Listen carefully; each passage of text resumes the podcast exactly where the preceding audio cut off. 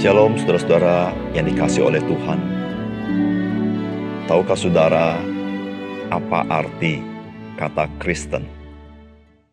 Kata ini muncul bukan lahir dari pengakuan orang Kristen, tetapi dari orang-orang yang bukan Kristen ketika mereka melihat bagaimana kehidupan orang-orang Kristen. Sehingga mereka menyebut pengikut Kristus adalah Kristen. Karena mereka melihat bahwa orang-orang ini menjalankan kehidupannya seperti pada Yesus Kristus. Di situlah saudara, orang-orang lingkungan menyebut orang-orang percaya Tuhan Yesus adalah Kristen. Salam jumpa dalam program Tuhan adalah Gembalaku. Saudara tahukah panggilan Tuhan Yesus kepada kita sebagai anak-anak Tuhan. Tuhan memanggil kita untuk menjadi murid-murid Tuhan Yesus. Saudara, arti menjadi murid, pastilah kita tahu, yaitu kita belajar. Artinya, menjadi murid Tuhan Yesus artinya kita belajar dari Tuhan Yesus sendiri dan dari ajaran-ajarannya. Sehingga dengan demikian, maka kita bisa melakukan apa yang Tuhan Yesus mau, dan kita boleh hidup sebagaimana karakter dari Tuhan Yesus. Sehingga dengan demikian, semakin hari kita mengikut Tuhan Yesus, kita semakin serupa dengan dia. Saudara tahukah saudara, apakah hal yang sangat indah dari Tuhan Yesus? Yaitu Tuhan Yesus di dalam seluruh kehidupannya. Dia memperkenankan Tuhan. Saudara, jikalau saudara dan saya semakin hari semakin serupa Tuhan Yesus, maka saudara dan saya semakin hari semakin hidup memperkenankan Tuhan. Saudara, mari kita membaca firman Tuhan dari Lukas pasal 14 ayat 25 sampai 35. Pada suatu kali, banyak orang berduyun-duyun mengikut Yesus dalam perjalanannya. Sambil berpaling, ia berkata kepada mereka, Jikalau seorang datang kepadaku dan ia tidak membenci bapaknya, ibunya, istrinya, anak-anaknya, saudara-saudaranya laki-laki atau perempuan, bahkan nyawanya sendiri, ia tidak dapat menjadi muridku. Barang siapa tidak memikul salibnya dan mengikut aku, ia tidak dapat menjadi muridku. Sebab siapakah di antara kamu yang kalau mau mendirikan sebuah menara, tidak duduk dahulu membuat anggaran biayanya, kalau-kalau cukup uangnya untuk menyelesaikan pekerjaan itu. Supaya jika ia sudah meletakkan dasarnya dan tidak dapat menyelesaikannya, jangan-jangan semua orang yang melihatnya mengejek dia. Sambil berkata, orang itu mulai mendirikan tetapi ia tidak sanggup menyelesaikannya. Atau raja manakah yang kalau mau pergi berperang melawan raja lain tidak duduk dahulu untuk mempertimbangkan apakah dengan 10 ribu orang ia sanggup menghadapi lawan yang mendatanginya dengan 20 ribu orang. Jikalau tidak, ia akan mengirim utusan selama musuh itu masih jauh untuk menanyakan syarat-syarat perdamaian. Demikian pula lah tiap-tiap orang di antara kamu yang tidak melepaskan dirinya dari segala miliknya, tidak dapat menjadi muridku. Garam memang baik, tetapi jika garam juga menjadi tawar, dengan apakah ia diasinkan? Tidak ada lagi gunanya, baik untuk ladang maupun untuk pupuk, dan orang membuangnya saja. Siapa punya telinga untuk mendengar, hendaklah ia mendengar. Saudara yang dikasih oleh Tuhan, Alkitab mengkisahkan bagaimana banyaknya orang berduyun-duyun mengikut Tuhan Yesus. Saudara, ini dikisahkan di dalam bagian firman Tuhan yang kita baca hari ini. Dan saudara pada saat orang begitu berduyun-duyun mengikut Tuhan Yesus, maka di saat itulah Tuhan Yesus mengajarkan bahwa barang siapa yang tidak membenci bapaknya, ibunya, saudara-saudara laki-lakinya, saudara-saudara perempuannya, ia tidak dapat menjadi murid Tuhan Yesus.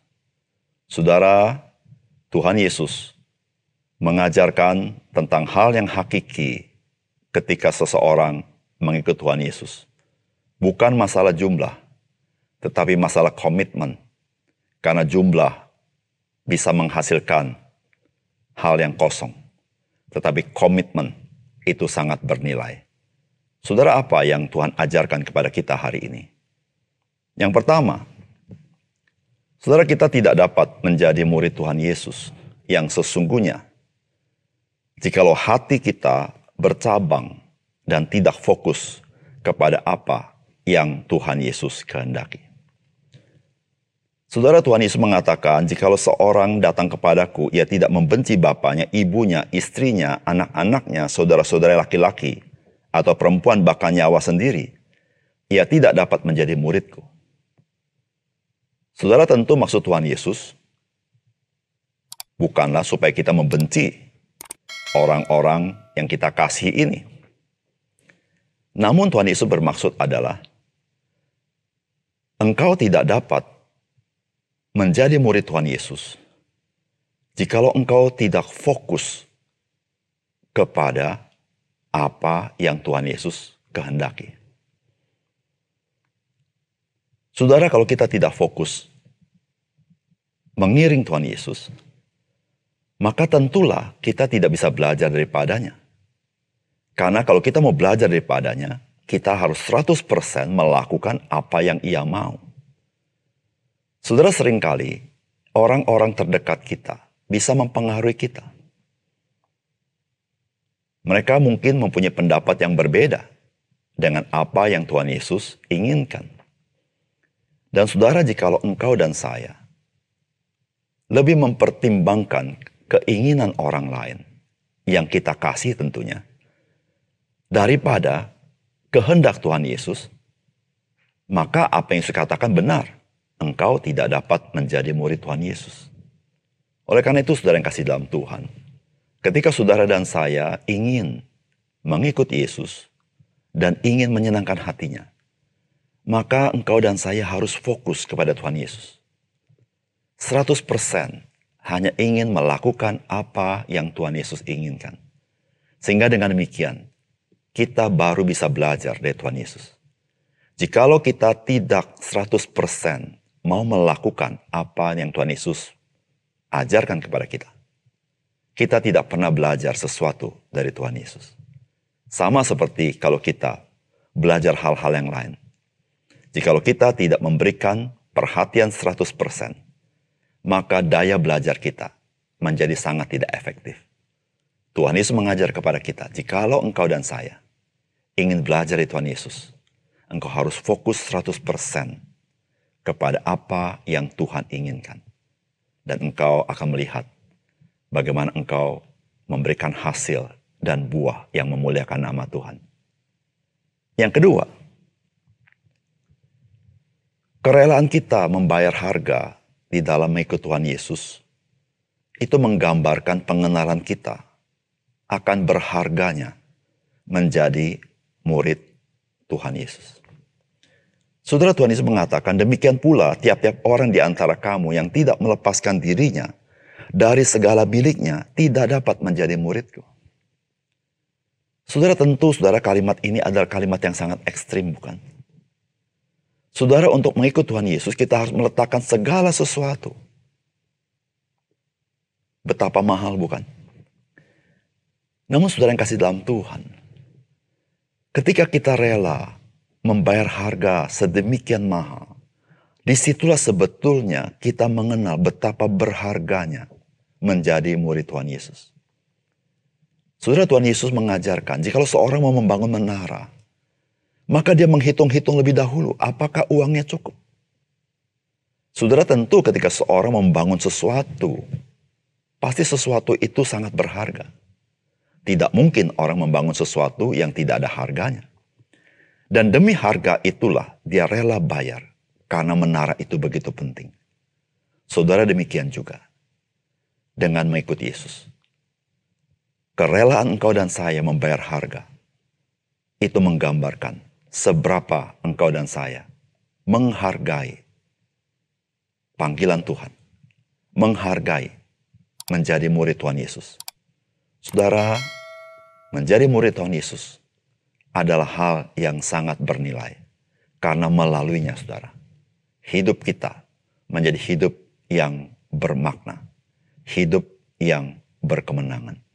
Oleh karena itu saudara yang kasih dalam Tuhan, Tuhan Yesus berkata, jikalau seseorang tidak mau melepaskan diri dari segala apa yang dia miliki, dia tidak dapat menjadi muridku.